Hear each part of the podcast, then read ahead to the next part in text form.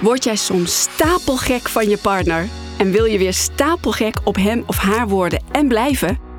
Welkom bij de Stapelgek Podcast. Dat zei Marieke Pijler, die zei als jij je gaat inschrijven bij de KVK, die vind ik heel mooi, krijg je meteen een, je krijgt een KVK-nummer en je krijgt een blinde vlek. Ja, en dan, nu voel ik van, nu kan ik waarde leveren. Ik heb niet meer vier, vijf stellen op een dag, maar ik heb er drie, vier per maand. Dus dat verandert je hele leven. Mijn naam is Sharon Overweg en ik ben relatietherapeut voor topondernemers en hun liefdespartner. In deze podcast ga ik met je hebben over het mooiste, maar misschien wel het moeilijkste en het meest gecompliceerde dat er bestaat. Jawel, de liefde.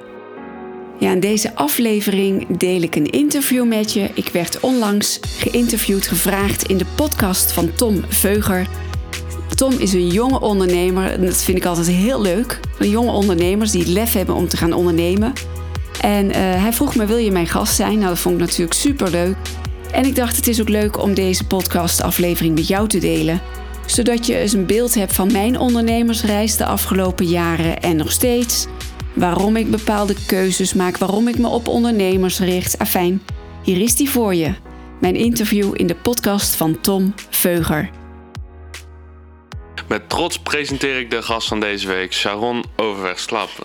Recent in de quote gestaan, maar vandaag gewoon op mijn podcast. Ze is een relatietherapeut voor topondernemers. Een heel interessant persoon. Ik ga niet langer jullie tijd verspillen. Let's go! Um, nou, allereerst bedankt dat je komt. Um, wat heeft jou geïnspireerd om je met, uh, te specialiseren in topondernemers en dan met hun te gaan werken? Ja, mooie vraag, Tom. Um, nou, ik kwam erachter dat als jij niet kiest, hè, dan heb ik het over een doelgroep, dat jij dan ook niet wordt gekozen. Dan is het maar willekeur. Dan gooi je je hengeltje maar uit en dan is het maar zien wie er toevallig hapt. Hè? Dus dat merkte ik. Ik moet ook zeggen dat de mensen die al bij me, kwamen, waren vaak al ondernemers. Blijkbaar trek je aan wat bij je past. Ik kom uit een ondernemersfamilie. Um, dus dat vond ik eigenlijk, daar, daarin kon ik eigenlijk een rode draad herkennen. Toen dacht ik, ja, dat vind ik een mooie doelgroep. En in het werk wat ik doe, relatietherapie, um, daar spelen gewoon andere thema's in een relatie met een ondernemer. Uh, dan als twee mensen in loondienst zijn. En dat is helemaal niet slechter of beter, maar het is wel anders. En er zijn vaak gewoon uh, vergelijkbare thema's. Dus ik denk, ik ga me daarop richten, want daar heb ik gewoon heel veel affiniteit mee. Zodoende. Ja. Ah, ja. mooi. En dan uh, en je, het, is, het is dus echt een ander vak als je dus met mensen met een werknemer en een ondernemer werkt. En dan hoe, zou, hoe kan je dat voorstellen dan? Wat, wat is je vraag precies, Tom? Hoe je je kan, wat je kan voorstellen, zelf voor je um, als een ondernemer, bijvoorbeeld als je met een ondernemer werkt of met een werknemer werkt, hoe is dan de, ja, hoe is dan de relatie tussen dan uh, anders eigenlijk? Wat de verschillen zijn in een ondernemer. Ja, ja, dus ik werk met ondernemers en hun liefdespartner. Hè. Dus het gaat, mm -hmm. ik mhm. werk met mensen, het gaat over de privérelatie, de intieme, de liefdesrelatie van die ondernemer. He, vaak is de partner uh, werkt ook in de zaak of soms heeft de partner zelf ook een onderneming of werkt niet, zorgt voor de kinderen, voor de familie-BV. Maar wat het anders maakt, zijn wat ik bedoelde met die andere thema's. Een ondernemer is vaak een heel, is heel bevlogen, passievol, is ja, elke dag met zijn business bezig. Eh, dat is niet een van 9 tot 5 mentaliteit. Um, nou zeg ik niet dat dat in loondienst niet altijd zo is, want dat kan ook zo zijn. Zeker als je een hele ambitieuze baan hebt, kan dat zijn. Maar vaak, laat ik, laat ik het zo zeggen, de rode draad in mijn cliëntenprofiel is vaak dat de ondernemer vaak heel traditioneel nog de man. Kan ook de vrouw zijn, maar vaak is het dan de man. Die neemt contact met me op en dan is het zoiets van... Goh, Sharon, jij werkt toch met ondernemers? Jij begrijpt dat 70, 80 uur per week werken volstrekt normaal is. Wil je het mijn partner even thuis uitleggen? Want die begrijpt het niet helemaal. dat is vaak het thema waarbij, waarmee iemand bij mij binnenkomt. Dan kan er ook nog van alles aanhangen als ontrouw, uh, verliefd op een ander, uh, midlife crisis, van alles. Er zijn duizenden mhm. dingen die daar nog aan kunnen hangen. Maar dat is meestal wel het, de rode draad. Dus werk-privé-balans. En die ondernemer die hoopt dan dat ik het voor hem ga opnemen. En dat ik dan zeg, ja joh, ik begrijp jou ook helemaal. Ik ga het jouw eh, partner thuis wel even uitleggen. Maar nee, ik begrijp die ondernemer ook heel erg goed. Dus ik begrijp jou, maar ik begrijp jouw partner ook heel goed. Want Jullie zijn samen een team. Jullie voelen je samen niet gezien, niet gehoord, niet erkend en niet gewaardeerd. En dat is gewoon echt wel een, uh, ja, dat is een heel vaak terugkerend thema binnen ondernemersrelaties. Ja, dus aan de ene kant een bevlogen ondernemer en aan de andere kant een partner. Uh, die zich eigenlijk meer gehoord wil voelen en zo. Ja, ik ben er ook nog. Hè. Die, ja. Die, en die ondernemer zegt: joh, kijk hoe we wonen, zo mooi. En ik werk toch keihard ook voor jou en voor de kinderen en voor het gezin. Ik doe het toch ook voor jou. En dat die partner dan zegt: joh, dat snap ik wel, maar ik heb liever dat, je, dat we wat kleiner wonen of uh, hè, dat je eens wat vaker thuis bent met mij en de kinderen. Ja, ja ik heb niet, ben niet met huis getrouwd, ik ben met jou getrouwd. Hè? Of ik heb met jou een relatie. Ja, klopt. Ja. Dat is een beetje een thee. Dat, ah, ja, natuurlijk kan het. Dan heb ik het een beetje uh, kernachtig uh, ver, ver, vertaald. En natuurlijk kunnen er ook nog andere redenen zijn, maar deze komt bijna altijd terug. Ja. Ja, ja, ik herken dat ook wel, tenminste mezelf. Ik kan soms ook heel lang achter elkaar uh, dan werken. Ja, ik heb dan zelf bijvoorbeeld geen relatie, maar ik kan dan wel begrijpen als je dan heel erg, uh, als je dan een topondernemer bent, dat je dan echt soms iets te veel in je werk zit, dat je het bijna zelf niet eens realiseert. Nee, want vaak vinden die ondernemers het ook heel erg leuk. En ze hebben ook vaak een enorme verantwoordelijkheid. Ze zijn mensen in dienst. Ze zijn hele gezinnen afhankelijk van, van die ondernemer, van dat werk ze nemen vaak grote risico's, financiële risico's. Dus er ligt ook heel veel druk, heel veel, heel veel verantwoordelijkheid op de schouders van de ondernemer. En dat moet je wel weten als je een relatie aangaat met een ondernemer. Aan de andere kant is die ondernemer. Toevallig heb ik er vanochtend een podcast over opgenomen. Ik heb ook een podcast over waar die. Ik heb een podcast opgenomen als je een relatie hebt met een ondernemer, waar heb je dan aan te denken? Hoe dan? Hè? Ja. Uh, leg zo'n ondernemer niet aan de ketting, want je tekent zijn of haar doodvonnis. Maar ik heb vanochtend toevallig andersom de podcast opgenomen van: hey ondernemer, waar heb jij nou aan te denken in de relatie? Hè? Jij, die heeft ook wel wat te doen, hè? Die moet ja, het, natuurlijk, het komt van twee kanten. Maken. Precies, precies. Ja. ja. Ja. Kan je een specifiek moment uh, uh, noemen in je, ja, in je carrière, in je, in je ondernemerschap, waarvan je dacht: oké, okay, nu zit ik op het juiste pad. Nu gaan we hier naar een goede kant op? Ja, mooie vraag. Nou, dat was echt toen ik de keuze maakte. Dus toen keuze maakte uh, voor ondernemers, dus een doelgroep. En maar ook keuze maakte voor een eigen aanbod. Wat, wat niemand heeft. Dus ik werkte een aantal jaar geleden nog gewoon marktconform. Um, uh, losse uren. Ik had geen traject. Dus na elke sessie vroeg ik: willen jullie nog een nieuwe afspraak maken? En, de, en telkens kreeg ik terug van Sharon: kunnen we even doorplannen? Want we zijn er nog niet hoor. Iedere keer die vraagt. Toen dacht ik: Oh, er is echt behoefte aan een traject. En toen ben ik gewoon anders om gaan denken. Toen dacht ik: want die losse uren vond ik ook heel vervelend. Ik vond het heel respectloos en zelfs beledigend ook voor mijn cliënten. Want ze komen bij je met hun hele hebben en houden. Ik weet vaak meer dan hun beste vrienden. Het is heel persoonlijk, heel intiem. Um, en toen dacht ik, joh, wat, wat naar dat ik eigenlijk na een uur, anderhalf uur moet zeggen... ja, we gaan richting de afronding, want er komen vandaag nog vier andere stellen. Dat zei ik dan wel heel netjes, maar ik vond dat vervelend. Dus ik kon ook niet meer de waarde leveren die ik wilde leveren, waar ik voor sta. En toen ben ik anders om gaan denken. En dat was een keerpunt in mijn business. Dus toen ben ik echt gaan denken: goh, welke waarde wil ik dan leveren? Waar sta ik voor? Wat is dan mijn visie? En hoe wil ik mijn werk uitvoeren buiten wat normaal is? Ik denk, ik mag het gewoon helemaal zelf vormgeven. En toen ben ik gestopt met losse sessies en ben ik, heb ik een traject bedacht. En dat bestaat uit, ja, toen nog twee, maar inmiddels drie hele dagen. Dus ik ontvang mensen een hele dag van 10 tot 5 op mooie locaties in het buitengebied, goed verzorgd. Dan zijn we met z'n drieën. Er is geen klok waar we op hoeven kijken. We hebben de hele dag de tijd. Er zit telkens een maand tussen die dagen. Ik ben elke dag bereikbaar. Ze hoeven nooit te wachten tot een volgende, volgend contactmoment. Ik ben daar voor ze. Ik reageer altijd binnen een dag. Ja, en dan, nu voel ik van, nu kan ik waarde leveren. Ik heb niet meer vier, vijf stellen op een dag, maar ik heb er drie, vier per maand. Dus dat verandert je hele leven. Ja, en dan kan je ook voor jezelf ook meer leveren. En dan kan je ook gewoon voor jezelf ook gewoon gevoel en uh, echt een, meer een waarde toevoegen. Dat, uh... Absoluut. En daar kan ik dan ook een fantastische prijs voor vragen. Dus ik heb, snap je, dus ik kan veel meer waarde leveren. Um, ik vind ook echt dat, ik het, dat het het waard is en um, ik denk niet meer in uren. Ik denk in, ja, wat ik zeg, de waarde die je levert. En de uitkomst kan ook zijn dat mensen besluiten om uit elkaar te gaan. Hè? Dat, dat, Maar meestal hebben de mensen een groot probleem, maar hebben ze een groter verlangen om bij elkaar te blijven. En dat is een prachtig uh, startpunt. Soms zien mensen het als een onderzoeksfase. En dan besluiten ze om tijdens het traject niets te besluiten. In de zin van we blijven bij elkaar of we gaan uit elkaar. Dus dat is ook heel mooi. Dus ik, kan echt, ik ben er echt voor ze. En dat had ik niet, dat gevoel wat ik nu heb, die vervulling, die had ik niet zozeer toen ik nog losse uren verkocht. Ja. Dus ik ben gewoon helemaal weg van het marktconforme, van de marktconforme begeleiding, waar het overigens niets mis mee is. Maar voor mij, ik wilde zo niet werken. En dat, heeft echt, dat was het keerpunt. Dus op terugkomen op jouw vraag, dat was echt de omslag in mijn business.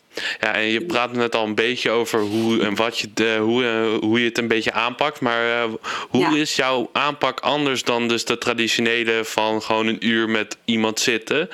Hoe is dan echt jouw aanpak anders? Uh, ja, het begint al bij het, eigenlijk het eerste contact. Als ik een aanvraag krijg voor een uh, kennismaking of een intakegesprek, hè, ik noem dat uh, een kennismaking, intakegesprek, is een beetje hetzelfde. Dan um, maakt mijn assistent Sylvia, die belt, die neemt contact op met hem of haar of met beide. Dat doet ze trouwens nooit onverwachts, want je kunt altijd, ja, hè, wij weten natuurlijk niet in welke situatie of waar iemand is. En het is natuurlijk een gevoelig, delicaat onderwerp, dus ze maakt altijd even per app of mail een afspraak. En um, zij stelt dan ook een aantal vragen die ik belangrijk vind. Het antwoord daarop vind ik heel belangrijk. Uh, bijvoorbeeld, willen jullie echt dat de relatie slaagt? Is er motivatie? Want ik vind het echt nodig dat beide er echt achter staan. Um, of ze zien het als een onderzoeksfase, dat wil ik dan ook weten. Uh, zijn jullie bereid om de bril van de ander op te zetten? Dat vind ik ook een hele belangrijke vraag waar ik absoluut ja op wil horen je, hoeft het niet eens te zijn met elkaar, maar ik vind het wel heel belangrijk dat je bereid bent om door de bril van de ander te kijken. Dus probeer de, ander te begrijpen, ook al hoef je het daar niet eens mee te zijn. En vraag drie die zij stelt is: zijn jullie ook bereid om jullie eigen aandeel aan te kijken in waar jullie nu staan, je eigen stuk? Want je hebt ook zelf een verantwoordelijk, je bent ook zelf verantwoordelijk voor waar je nu staat. Dat, dat vind ik echt. Waar, wat er ook in die relatie aan de hand is. Ik heb het nooit over schuld of over fout, maar beide hebben uh, ervoor gezorgd dat ze staan waar ze nu staan en zijn ook verantwoordelijk om daar weer uit te komen. Dus dat vind ik heel erg belangrijk. Um, nou, als daar al, op al die drie de vragen een ja komt, hè, dan, dan plant zij een afspraak in. Dat is via Teams. Dus bijna altijd online. Tenzij iemand er echt op staat om mij in real life te ontmoeten, dan zijn ze welkom, uiteraard. Maar het gaat prima online dankzij corona heb ik dat gaan opengehouden. Daar had ik heel veel bezwaar zelf op, op online, maar dat gaat nu heel goed. En, een van de eh, positieve dingen. Zeker. En de voorwaarde is wel dat ze dan samen achter één scherm zitten. Hè, zodat we ook zien hoe ze op elkaar reageren. Um, dus dat is heel persoonlijk. En dat duurt ongeveer een uur. En dat zijn vaak hele mooie gesprekken die al iets in beweging zetten. En of ze nou met mij verder gaan of niet, ik geef ze echt een ervaring mee. Er gebeurt vaak al wat na zo'n gesprek. En dat is ook vrijblijvend, dus daar vraag ik ook niks voor. Um, mochten ze ja zeggen, nou, dan, uh, dan, dan regelt Sylvia, mijn assistent, die regelt uh, de factuur. En dan krijgen ze een hele mooie stapelgekke liefdesbrief. Mijn bedrijf heet Stapelgek. Ja. Altijd word je soms stapelgek mm -hmm. van, van, je partner, maar wil je weer stapelgek op hem of haar worden. Vandaar stapelgek. Ja. Uh, dan krijgen ze een brief waarin staat wat ze van mij kunnen verwachten, van het traject, wat ik van hen verwacht. Dat is heel leuk. Dus ze gaan echt iets aan. Hè? Ze voelen ook van, oh, we gaan iets aan. Het is niet van we boeken even een sessie. Nee, we gaan dit aan samen. Het is gewoon eigenlijk een pad op weer om naar, de, het, naar een goede relatie te komen. Dat je echt gewoon een commitment ook een beetje voor je aangaat. En dan echt zo iets gaat doen. Zo van oké, we gaan er samen voor en we gaan er samen iets aan doen. We gaan ervoor. En want ik zeg altijd, die ja die jullie zeggen tegen mijn traject, die ja is naar mij, die is niet belangrijk. Het gaat, wat zo mooi is dat jullie op, opnieuw ja zeggen tegen elkaar. Die is veel waardevoller dan toen jullie ooit trouwden of zeiden wij gaan een relatie met elkaar, wij gaan samenwonen. Toen was alles nog koek en ei. Maar nu ja zeggen tegen dit traject, dat is een hele dikke vette ja tegen en naar elkaar toe. Niet voor jullie hele leven, maar voor de komende zes maanden zo ongeveer hè, zijn we onderweg. Nou, daarna plannen we een één op één. Want ik wil ze allebei los van elkaar even apart spreken. Uh, persoonlijk. Dus dat is echt live bij mij hier in Vught. En daarna gaan we al de eerste dag in, vrij snel meteen. Want die eerste dag is vaak transformatief. Daar gebeurt zoveel. En um, na een maand hebben we een tweede dag, een maand later of twee maanden later. De derde dag, ik geef wat er nodig is. Uh, soms spreek ik mensen tussendoor nog uh, individueel of gaan we wandeling maken of via Teams. Ik geef gewoon wat er nodig is, Tom. Het is niet, ja. een, het is niet een in beton gehouden project of een programma of It's opleiding. Not one size fits all. Nee, nee. En we zijn ongeveer een half jaar met elkaar onderweg. Sommige vier maanden, sommige zeven maanden. Het, het, het, weet je, dat, daar hang ik geen. Uh, het, heeft wel een structuur en opbouw, maar nogmaals. Maar het is niet per se de, een tijdslimiet uh, ja, eigenlijk. Ongeveer een half jaar. Ah, oké. Okay. Ja. ja. Je Ja. bent ook dus business mentor voor andere relatietherapeuten en coaches. Wat was de motivatie om dat eigenlijk uh, te gaan beginnen? Ja, omdat ik dus zelf een paar jaar geleden besloten heb om een doelgroep te kiezen en om een aanbod, een eigen aanbod uh, samen te stellen, in de markt te zetten. Dacht ik van, oh, hoe gaaf is het als ik collega's dit ook laat ervaren? Want ik merk dat heel veel therapeuten zichzelf zien als hulpverlener, maar niet als ondernemer. En ik zeg altijd maar zo, die schoorsteen die moet toch roken. Dus um, ik vind het gewoon zo gaaf wat ik heb gedaan en wat daar nu allemaal ja, in, in uitrolt. En ook de waarde, de vervulling, de waarde die ik kan leveren en de vervulling die ik voel. Dat gun ik therapeuten ook. En ik merk dat je op elke opleiding die je doet, um, krijg je oogkleppen mee. Je krijgt een diploma en je krijgt de oogkleppen. Want in elke opleiding, mm-hmm. dan hebben ze het, oh, hè, dan wordt er vanuit de klas gevraagd aan de docenten van goh, hoe zetten we dit in de markt? Hoe, wat zijn nou tarieven die je hiervoor kunt vragen? En dan krijg je, goed bedoeld hè, maar je krijgt een marktconform plaatje mee. En ja. daarmee ook oogkleppen. Ja, en, en ook een, geef je eigenlijk ook geven ze dan iets van een marktconform uh, aanbod ja. mee. Ja, van nou, uh, de tarieven liggen zo tussen de, nou ik zeg maar wat 80 en 150 euro. Ga er ergens tussen zitten. Dus ik ging dat in het begin ook doen. Ik ging kijken wat doet de markt.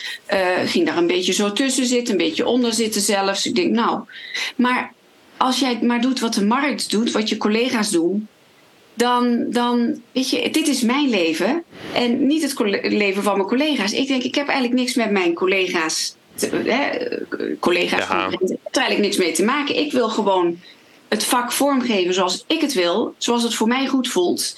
Maar dat leer je dus op geen enkele opleiding. En, um, en ook, dat zei mijn vorige, ik heb zelf ook uh, business coaches gehad. Dat zei Marieke Pijler, die zei: Als jij je gaat inschrijven bij de KVK, die vind ik heel mooi, krijg je meteen een, je krijgt een KVK-nummer en je krijgt een blinde vlek. Dus ik heb zelf ook heel veel baat gehad bij business coaches. En je kunt je eigen blinde vlekken niet zien. En een business coach of mentor, die ziet voor jou een perspectief wat je zelf niet ziet. En dat vind ik heel gaaf om ja, collega's ook te laten ervaren. Dus ik begeleid alleen collega's die zeggen: ik wil eigenlijk ook weg uit dat marktconforme. En ik wil mezelf ja, uniek in de markt zetten. Ja, dus je wilt eigenlijk bij ondernemers uh, en dus relatietherapeuten eigenlijk helpen om echt uh, om een level omhoog te gaan in hun diensten, maar ook in hun uh, ja, verdiensten en zo. En gewoon echt net even het een stapje omhoog zetten boven vooral het ja, marktconforme. In, precies, vooral in hun ondernemerskills. Hè, wat ik zeg, ze voelen zich vaak, en ik bagatelliseer, ik, ik, ik chargeer, maar ze voelen zich vaak hulpverlener en geen ondernemer. En die ondernemerskills die leer je bij, bij geen één opleiding. Het is mij echt opgevallen. Je leert op de inhoud. Nou, daar hoef ik niemand iets over uit te leggen. Soms help ik daar ook mee van, goh, hoe kan je dan je eigen aanbod samenstellen? Denk ik mee natuurlijk. Deel al mijn geheimen. Maar die ondernemerskills, en die heb ik ook moeten leren. Ondanks dat ik uit een ondernemersfamilie kom. Heb daar, en daar heb ik nog steeds veel in te leren, maar dat vond ik juist zo leuk. Terwijl ik altijd dacht dat ik het niet leuk zou vinden trouwens. Ik dacht altijd, ik wil geen ondernemer worden. Het is een gevangenis, maar het is alles behalve dat. Juist uh, een, uh, de sleutel naar vrijheid eigenlijk. Ja, ja, absoluut. absoluut. Je kunt het zelf, je bent ondernemer, dus je hebt de vrijheid om het op, helemaal op jouw manier vorm te geven. En dat is heel gaaf. Maar dan moet je wel, je moet ook een beetje lef hebben natuurlijk. Nou, best wel veel. Ja. Eh? Ja, ja. Zeker. Uh, ja. Je hebt uh, had benoemd ook al eerder dat je een podcast hebt. Wat is, uh, wat is het een beetje en wat wil je ermee bereiken? Ja, ik heb uh, sinds begin dit jaar een podcast, de Stapelgek podcast op Apple en Spotify. Ze staan ook allemaal op de website. Elke vrijdag lanceer ik een aflevering. Die probeer ik tussen de 10 en 15 minuten. Hè, snackable, als iemand net eventjes een ritje in de auto uh, naar de supermarkt. Soms een beetje juicy. Wat wil ik ermee? Ik deel er heel veel uh, tips in. Ik geef ook opdrachten. Ik deel ook anoniem ervaringen van cliënten. Um, mijn doel is om. Ik krijg hele leuke reacties ook van stellen die zeggen: We hebben een hele fijne relatie en toch halen we er iedere keer weer wat uit. Want ik geef ook iedere keer een opdracht mee. Wat is mijn doel? Mijn doel is om ook mezelf meer te laten zien. Ik ben heel actief op LinkedIn. Um, maar ik vond het ook belangrijk om. Uh, ja, mee te doen in, in met podcasts. Ik luister zelf graag podcasts. Ik denk, ja, ik moet er zelf ook in hebben. Ik vond het heel spannend, voelde heel kwetsbaar in het begin. Duurde een half jaar voordat ik het durfde. Want ik ben wel heel open en kwetsbaar, ook op LinkedIn. Maar ik denk, ja, het podcast moet mij niet schaden. Het moet wel iets toevoegen. Maar het is vooral ook bedoeld voor mensen om mij beter te leren kennen. Um, dat ze weten wie is Sharon, hoe denk ik over dingen, wat doe ik in mijn werk, wat is mijn visie. Ja, dus om uh, ja, voor zichtbaarheid. Maar ook om mensen, ja, ik, ik hoop altijd maar zo. Ik zeg altijd zo, al haal je er maar één ding uit, uit mijn podcast, wat jouw relatie ietsjes verbetert of heel veel verbetert. Dat vind ik gewoon tof, want ja. we leren het op school niet, hè? Het vak relaties bestaat Zeker niet. niet. Dat wordt, we doen uh, allemaal maar wat. Ik ook. Precies. ja. ja. Ja, dat, uh, dat, is net zoals dat ondernemers wat je al noemde, maar ook relaties en dergelijke, hoe je die goed kon onder, onderhouden. Dat is eigenlijk, uh, het zijn echt ja. best wel dingen die inderdaad echt het, eigenlijk gewoon ja, een soort van niet voorkomen bijna in, je, in het, uh, op school. En ik, ik, denk als er iets op school beter kan, dan zou ik zelf zoiets wel toevoegen. Inderdaad. Nou, zeker. Want we leren wel praten, maar we leren niet echt communiceren. Je leert niet te praten over je verlangens, over je behoeften, over je gevoelens. Uh, je leert niet echt heel goed te luisteren. Uh, dus vandaar de podcast. Ja. Deels om weg te geven, hè, om, om mensen wat mee te geven. Maar deels ook als marketingtool natuurlijk, hè, om mezelf te laten zien. Want ja, als ondernemer moet je, je de wereld laten weten dat je bestaat en wat je doet. Precies. Wat zijn ja. de enkele van jouw meest waardevolle lessen die jij tot nu toe in je uh, ondernemerscarrière of überhaupt je carrière hebt geleerd? Wat uh, zou je zelf zeggen, dit is echt, dit, hier heb ik echt wel flink van wat van geleerd? Ja, waar ik heel veel van heb geleerd en wat ik iedereen kan aanraden, neem een business coach, neem een business mentor. Uh, ik zeg altijd maar zo, de beste voetballers hebben coaches en die kunnen echt wel een balletje trappen. Waarom hebben die dan nog een coach nodig? Omdat die coach iets ziet voor jou wat je zelf niet ziet, of die kan jou verbeteren. En ik heb op dit moment uh, geen business mentor, maar ik weet ook zeker dat ik wel weer een keer in ga stappen. Uh, dus daar heb ik sowieso heel veel van geleerd. Maar ook durf te kiezen. Durf anders te zijn dan je collega's. En um, dat vind ik heel mooi. Dat heb ik geleerd van Marieke Pijler. Uh, zij was mijn business mentor, af, business coach afgelopen jaar. Zij staat voor onvergelijkbaar. Dus zij zegt niet, hè, we, we, willen allemaal onderscheidend zijn, dat wilde ik ook. Maar zij zegt, dan ben je nog, word je nog steeds vergeleken. Dan ben je nog steeds vergelijkbaar. Dat wil je toch niet? Hoe kan je nou onvergelijkbaar zijn? Nou, en dat heeft mij wel heel erg aangespoord om anders te durven denken en te doen. Dus ik, niet meer onderscheidend, maar onvergelijkbaar. Ja, dat, dat, uh, dat heb ik echt Net van die switch in je mindset eigenlijk.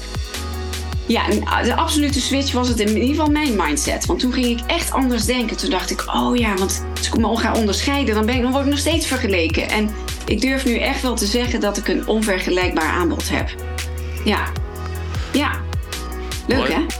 Nou, uh, als laatste, hoe kunnen uh, mensen die geïnteresseerd zijn contact met je opnemen?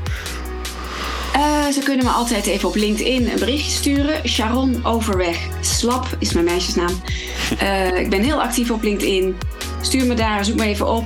Uh, Instagram, Stapelgek Academy. Daar ben ik niet heel actief, maar af en toe. En gewoon mailen Sharon, S-H-A-R-O-N, stapelgek.com. Of op de website stapelgek.com. Okay. Allerlei manieren. Nou, ja. Heel erg bedankt voor je tijd. En uh, ik hoop dat de mensen hier iets uit hebben gehaald. En uh, ja, ik hoop uh, dat we hier een inzicht hebben kunnen geven wie jij bent. Heel graag gedaan, Tom. En heel leuk dat je me uitnodigde. Dank jij wel. En heel veel succes met alles waar jij mee bezig bent. Dank je wel.